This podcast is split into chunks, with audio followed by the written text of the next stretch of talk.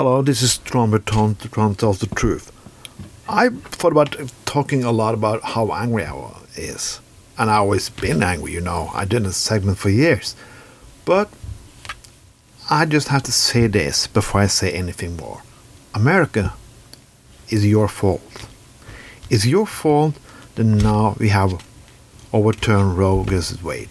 It's your fucking fault that abortion now can be illegal many places and get even worse for women in need.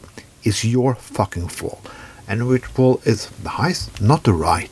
The conservatives have always been honest about what they do. They're assholes, and yeah, they've been honest about. They are fucking assholes. Oh no, okay. But anyway, this is your fucking fault. Liberals, radicals, lefties, what the fuck else you call yourself? I don't give a fuck line fuck. You did this to yourself. And it's now the segment that a lot of people say, ah ha ha, I think it's funny, now you're gonna suffer through this. No, I don't think it's funny. Because what you did and what you didn't do have no consequences for a lot of people. You didn't think it, I warned you, that Hillary was better, that you should vote for Hillary not Trump, because it got consequences. It did. He got two Supreme Court judges. And now you can see the results. Don't come to me anymore and say that Hillary was worse than Trump. She is a fucking shithole, I know. But sometimes when you have two shitholes, you have to say which shithole is a less shithole than the real fucking flying sh- biggest shithole. That is how we fucking think politics sometimes. But no, you want your integrity. You couldn't go for that because, oh, what about your emails? She did a war and blah blah blah. She did a lot of things. Yes, I do know. But now, there is a fucking ban on abortions in many states. That is because you didn't vote for Hillary.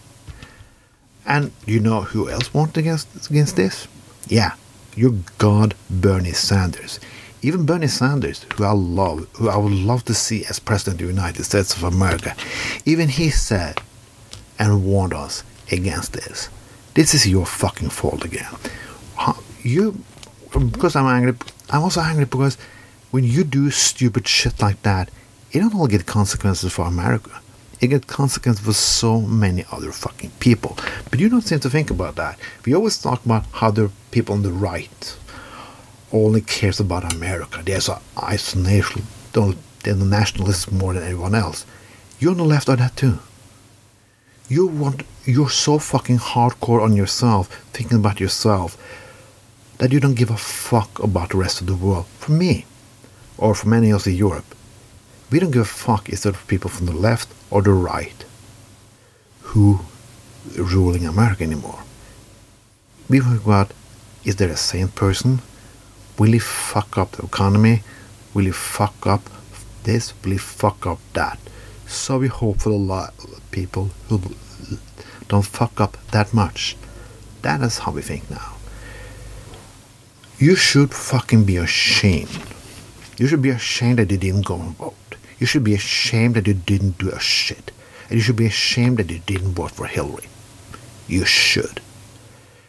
That is how the fucking world thinks. I know in idealistic society you want more choices, like like in, in Europe. Yeah, like in Norway, for example, we have six or seven parties. And we got tons of other parties too who runs local cities and regions and so on. But you're not. Sometimes you are stuck with few choices. And if that is the only choices, you have to fucking choose. There are no third alternative. There isn't. You choose, but sometimes also, if you look the other way, that is also a choice. By not choosing, you also choose.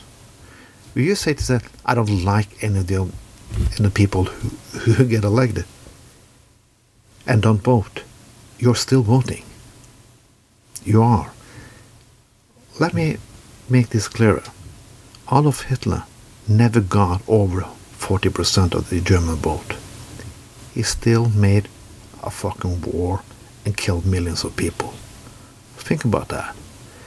If you think it will stop here, no, it will not.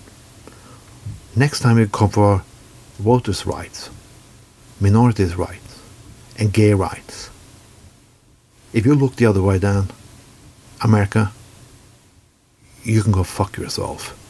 You're not a country of home, liberal or free or anything. You're not a country of freedom in any circumstances. You can definitely go and fuck yourself. This was Trump, but Trump tells the truth. Fuck off.